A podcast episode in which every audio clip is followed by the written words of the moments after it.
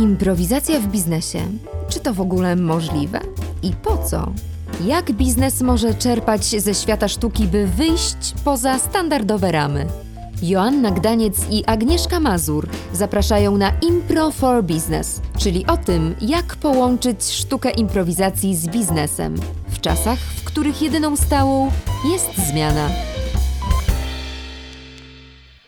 3, 2, 1. Impro. Agnieszka Mazur. Joanna Gdaniec.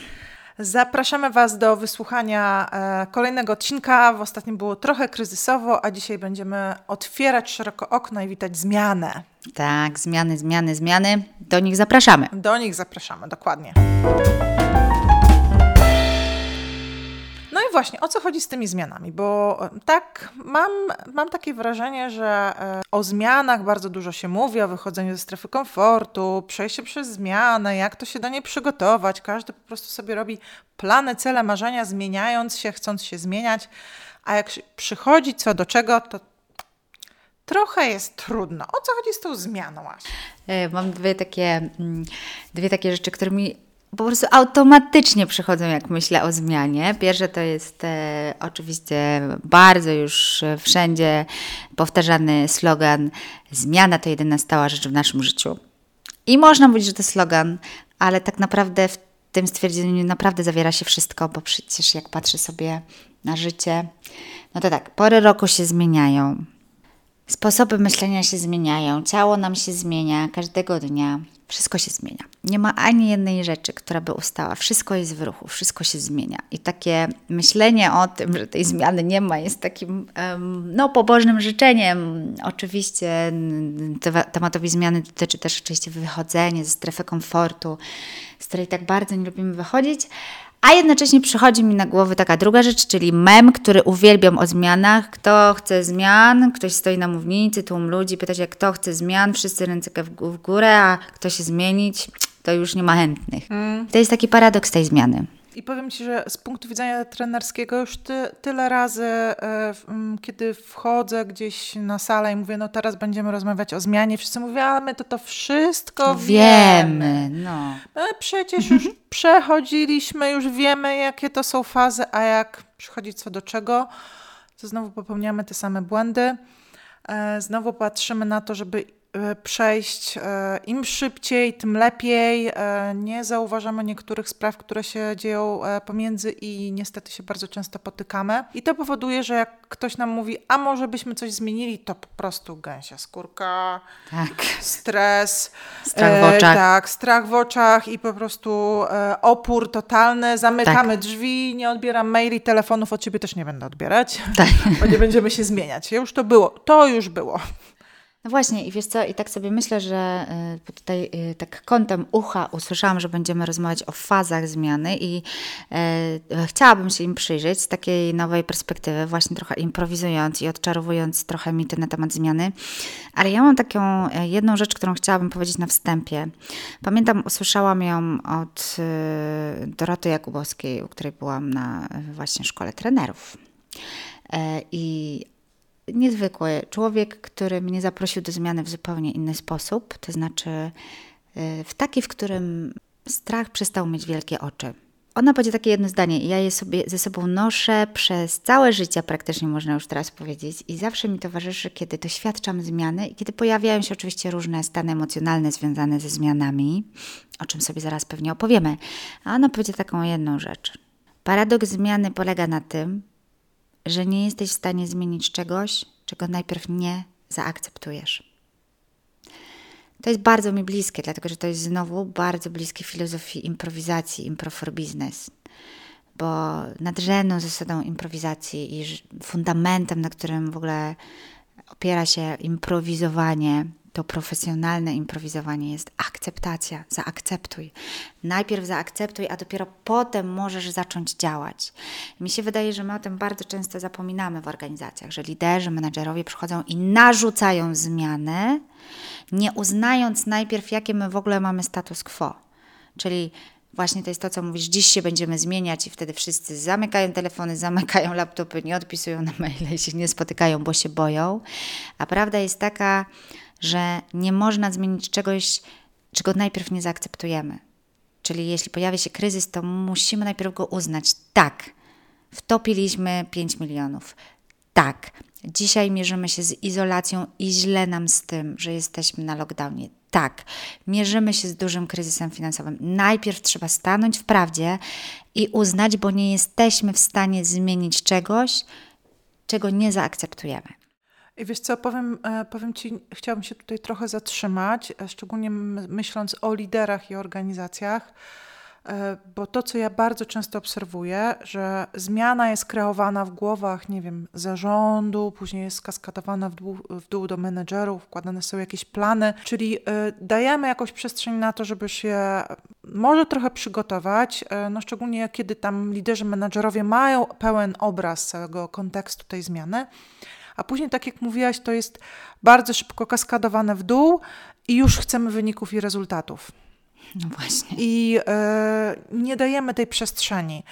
I bardzo często mierzymy się z tym, a mierzyliśmy jakieś wskaźniki satysfakcji pracowników i zaangażowania, one były takie dobre i nagle jest w dół, spada nam drastycznie w dół. Były super wyniki, wprowadziliśmy zmianę i chcemy, żeby one już, bo to na pewno będzie działało super, to, co zrobiliśmy, jest ekstra, nawet jeżeli ten plan jest super. Natomiast ludzie muszą zaobserwować, zaakceptować tą zmianę, to znaczy przetworzyć ją przez siebie. I kiedy my z punktu widzenia takiego, e, takiej organizacji nie damy ludziom popatrzeć na to nie tylko strategicznie, nie tylko e, pod względem planów, projektów, ale co ta zmiana jak ona dla mnie wygląda osobiście, Czym jednostkowo. dla mnie ona jest, jak ja Czym- się z nią mam. Jak ja się z nią mam, ale czym ona będzie skutkowała, co ja muszę u siebie zmienić, jakie mam teraz kompetencje, a jakie muszę, e, o jakie muszę zadbać.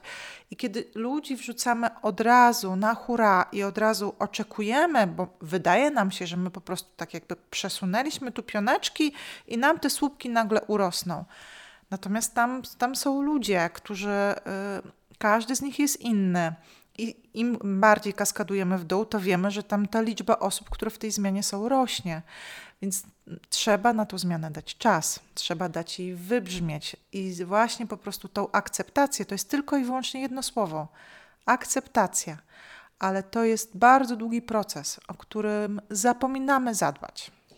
I samo uznanie tego, że człowiek jest właśnie w tym swoim takim, w, swojej też zmianie osobistej, e, no, powoduje, że właśnie mamy do czynienia nie tylko z procesem techniczno-organizacyjnym, jeśli chodzi o zmianę, ale przede wszystkim mamy do czynienia z procesem emocjonalnym, no bo zmiana to jest przecież proces emocjonalny i on jest szeroko w literaturze, w psychologii, w psychologii biznesu opisywane są, robione na ten temat badania i trudno od tego uciec, że ona ma swoje właśnie określone fazy, określone, określone momenty, a do tych momentów przyklejone są zwyczajnie emocje, konkretne emocje.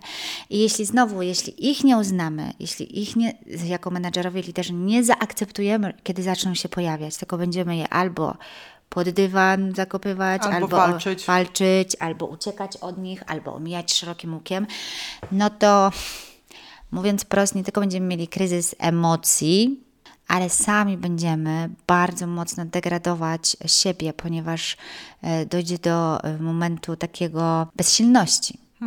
No bo e, emocje można zakopywać pod dywan, można od nich uciekać, mhm, ale one właśnie, kiedy są niezauważone, kiedy są nieuznane, kiedy są niezaakceptowane, wybuchną w najmniej oczekiwanym momencie. W momencie być może, kiedy, ta, kiedy organizacja i jej liderzy będą potrzebowali największej mo- mobilizacji, może się okazać, że to będzie niemożliwe. I dlatego warto sobie uświadomić te cztery fazy, warto sobie zrozumieć, jakie emocje się tam kryją i dlaczego one w ogóle występują. No bo, tak jak powiedziałam, paradoksem zmiany jest to, że najpierw trzeba uznać, zaakceptować, y, że, że coś jest nie tak. A przecież my w organizacjach mamy ludzi na różnym poziomie, na różnym poziomie postrzegania sytuacji, mają różne perspektywy, są na różnym poziomie świadomości i dlatego na przykład bardzo często do, mamy do czynienia z, to, z taką fazą, która się nazywa zaprzeczeniem. Przechodzimy ze zmianą, a wszyscy mówią, ale tak jest świetnie jak jest. A przecież to ja nie widzę, żeby tu się coś działo. Jest bez sensu w ogóle, co wymyśliliście. W ogóle to bez sensu, ja bez tego w sensu. ogóle nie widzę, prawda? Jakby mamy do czynienia, nie u wszystkich, bo fazy e, zmiany pojawiają się, tak jak powiedziałam, na różnym etapie i mm, dotyczą różnych, oczywiście różnego postrzegania, różnych perspektyw. No ale ja najbardziej taką drastyczną chyba e, historię o zaprzeczeniu znam bo pracowałam z takim e, doradcą, który mm, doradzał różnym przedsiębiorstwom. Między innymi trafił do przedsiębiorcy, który był no, starej daty, nazwijmy to. Prowadził jakieś takie przedsiębiorstwo przemysłowe. Starej daty człowiek. Jakby zarządzał wszystkim od, od ludzi po wyniki, łącznie z tym, jaki papier toaletowy kupić do organizacji. Więc jakby był we wszystkim. I to był człowiek, który posługiwał się cały czas e, starymi walutami. On wszystko przeliczał na e, złotówki e, sprzed denominacji złotówki. Tak głęboko był w zaprzeczeniu, że pomimo, że pieniądze już były dawno w obiegu od iluś tam 10 lat, to on cały czas wszystko przeliczał na starą walutę polską. I to jest w ogóle niezwykłe, że jeśli my nie zrozumiemy, w jakiej fazie zmiany jest człowiek, to my nie będziemy w stanie mu pomóc przejść przez to i doprowadzić do finału, który może być sukcesem. Ale jeśli my będziemy zaprzeczać, on jest w zaprzeczeniu i nie będziemy widzieć tego zaprzeczenia, to nie będziemy wiedzieć nawet, jak do niego dotrzeć. A w zaprzeczeniu jest właśnie negacja, to jest bez sensu, wszystko jest w porządku, ja nie wiem w ogóle o co ci chodzi, z czym ty tu do mnie przychodzisz, nie widzę, że to trzeba zmieniać. Tak jest, jak, jak jest dobrze. Jak będziemy to ruszać, to przecież może pójść gorzej. I to są te takie marudy, takie wiesz, w organizacji, które często ich się nie słucha, a oni mówią właśnie jestem w zaprzeczeniu, w kontekście emocjonalnym jestem w zaprzeczeniu, nie widzę, nie chcę widzieć, bo taki mi strach towarzyszy. Mm. Tam jest bardzo dużo strachu, prawda? Tam jest bardzo dużo strachu, ale też czasami e, mam takie, mam do czynienia z, z takimi sytuacjami, w których pokazywane są te elementy ryzyka, ale one są prezentem. E, to, to marudzenie też e, jest takim rzeczą, która, którą możemy wykorzystać, żeby albo właśnie, tam jest bardzo dużo informacji o tym człowieku, o sytuacji, o organizacji, o zespole e, i tam trzeba się bardzo mocno wejść w to i wysłuchać. Oczywiście to, co też obserwuję wśród liderów, to jest tak, że po prostu od razu jest atak, tak? kiedy mamy to, ten element zaprzeczenia, to po prostu chcemy na logikę wszystko wytłumaczyć, a im więcej mówimy, Pamiętajcie, liderzy, oni w ogóle nie słuchają. Tam nawet nie ma możliwości wysłuchania. Możecie mówić, mówić i mówić.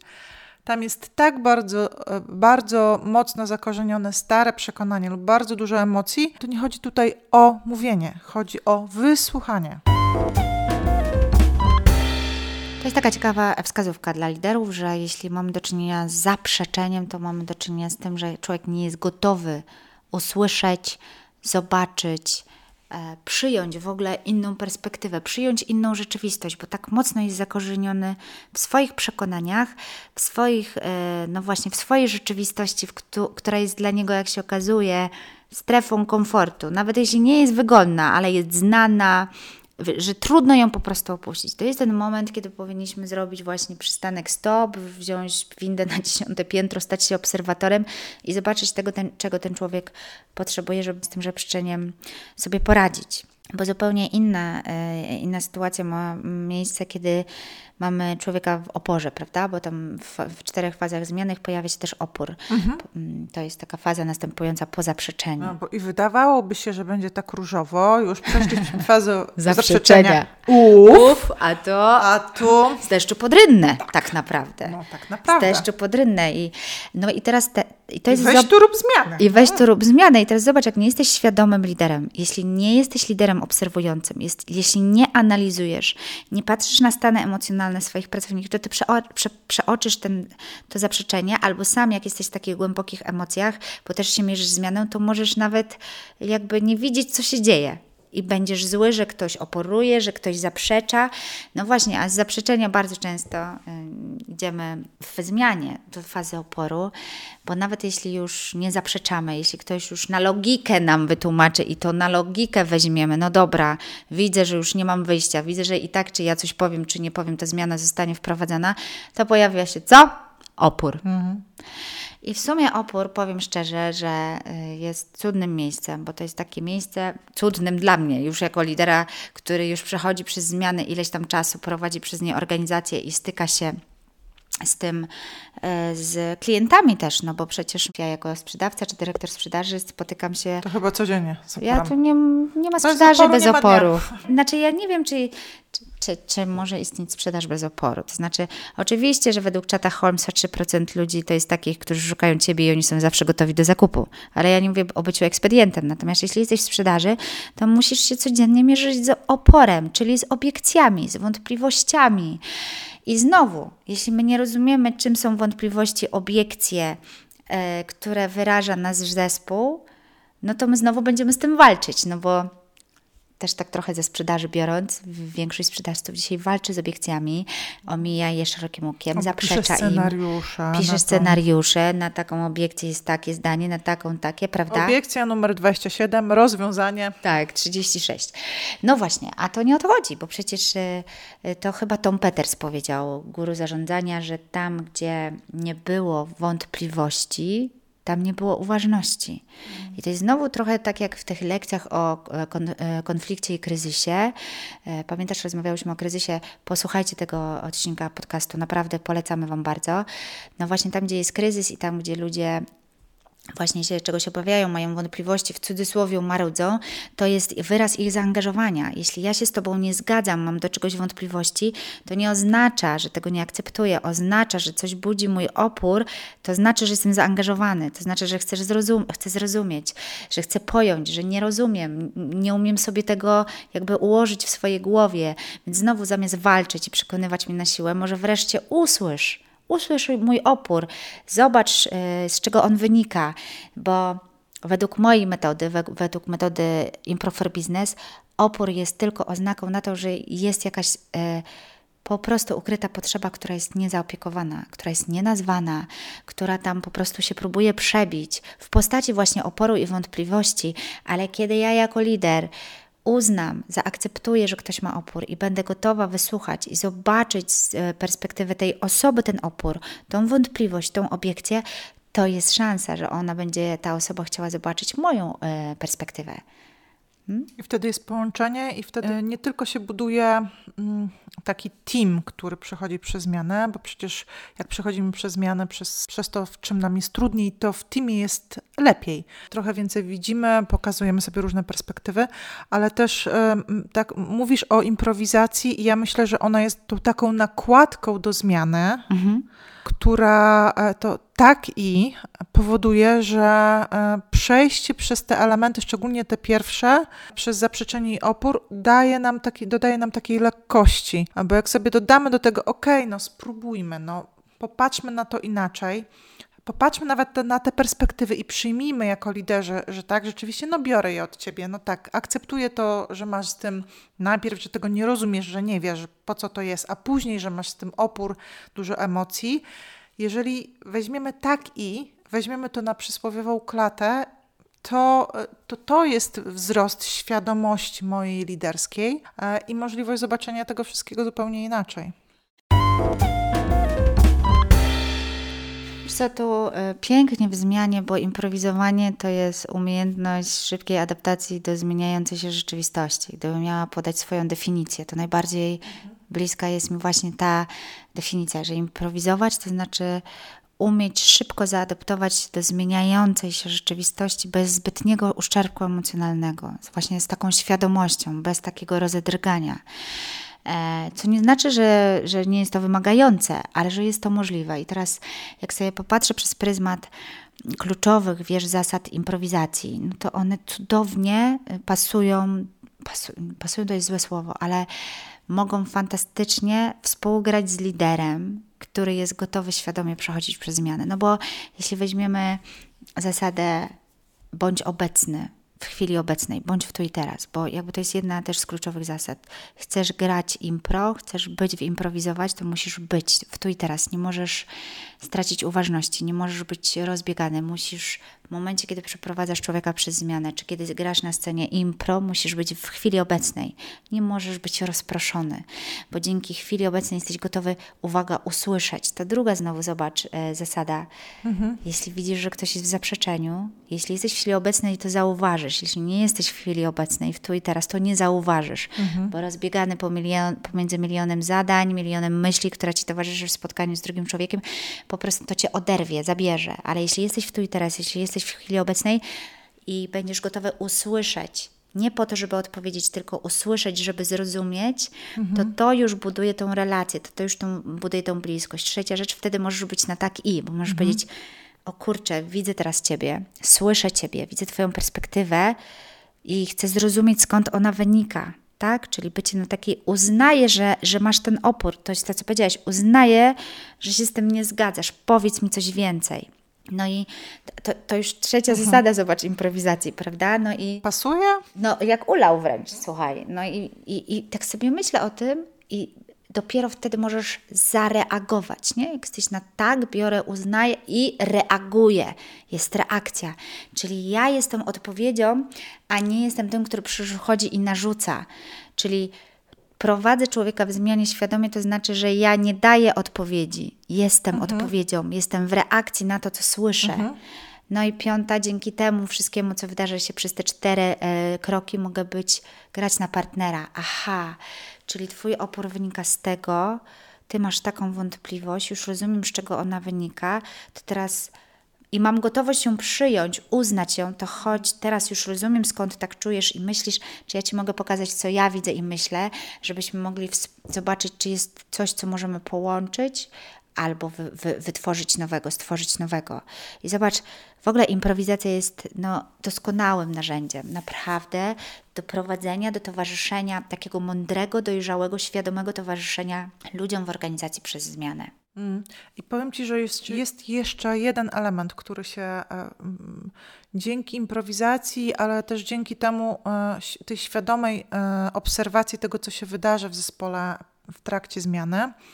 Bo to, co ja zauważyłam, bo zaraz będzie o tym kolejnym elemencie w, e, zmiany, bo będziemy już zapraszać ludzi do doświadczenia, to, co ja zauważyłam w, przy tych dwóch pierwszych fazach, e, bardzo często okazuje się, że ludzie oprócz tego, że emocjonalnie są niegotowi na zmianę, są niegotowi kompetencyjnie.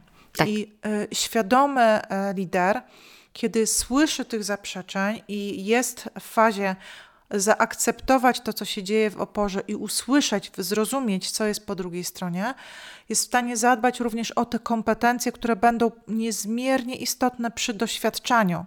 Bo jeżeli my, przechodząc przez te fazy zmiany, zlokalizujemy, zidentyfikujemy, jakich kompetencji brakuje na, na naszym e, ludziom, co powinniśmy jeszcze zrobić dla zespołu, żeby oni przez tą zmianę przeszli bardziej efektywnie, to wtedy e, i zapraszać będziemy ich do doświadczenia, to wtedy jesteśmy w stanie widzieć szybciej razem z nimi rezultaty.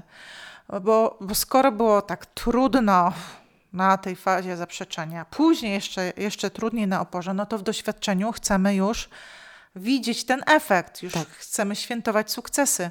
I, I to jest ten element takiej mega dużej obserwacji liderskiej. Na zaprzeczeniu, na oporze zadbaj o kompetencje.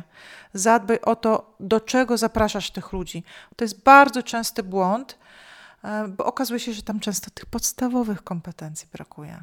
Rzeczy, które, e, których my wydaje nam się, że one są, no bo byliśmy w pewnym trybie, trwaliśmy przez lata, teraz coś zmieniamy, a one nam nagle wychodzą na powierzchnię. No i, to, no i, i zobacz, znowu wracamy do, do świadomości lidera, nie? Jakby rozumiem, co się dzieje z moim zespołem, rozumiem, na którym fazie zmiany są jego poszczególni członkowie, więc jeden jest na oporze, drugi jest na zaprzeczeniu, więc czego innego potrzebuje ta, ten, ta osoba w zaprzeczeniu, czego innego potrzebuje ten człowiek w oporze. I teraz ja jako lider, który chce przejść do działania, z jednej strony muszę zadbać o tą warstwę emocjonalną, a z drugiej strony muszę wyposażyć w kompetencje. Czyli pracuję jakby dwutorowo, mentalnie i kompetencyjnie. I to jest, i, i to jest właśnie y, ten moment, kiedy jesteśmy w stanie zaprosić ludzi z zaprzeczenia i oporu do eksperymentowania, do doświadczenia.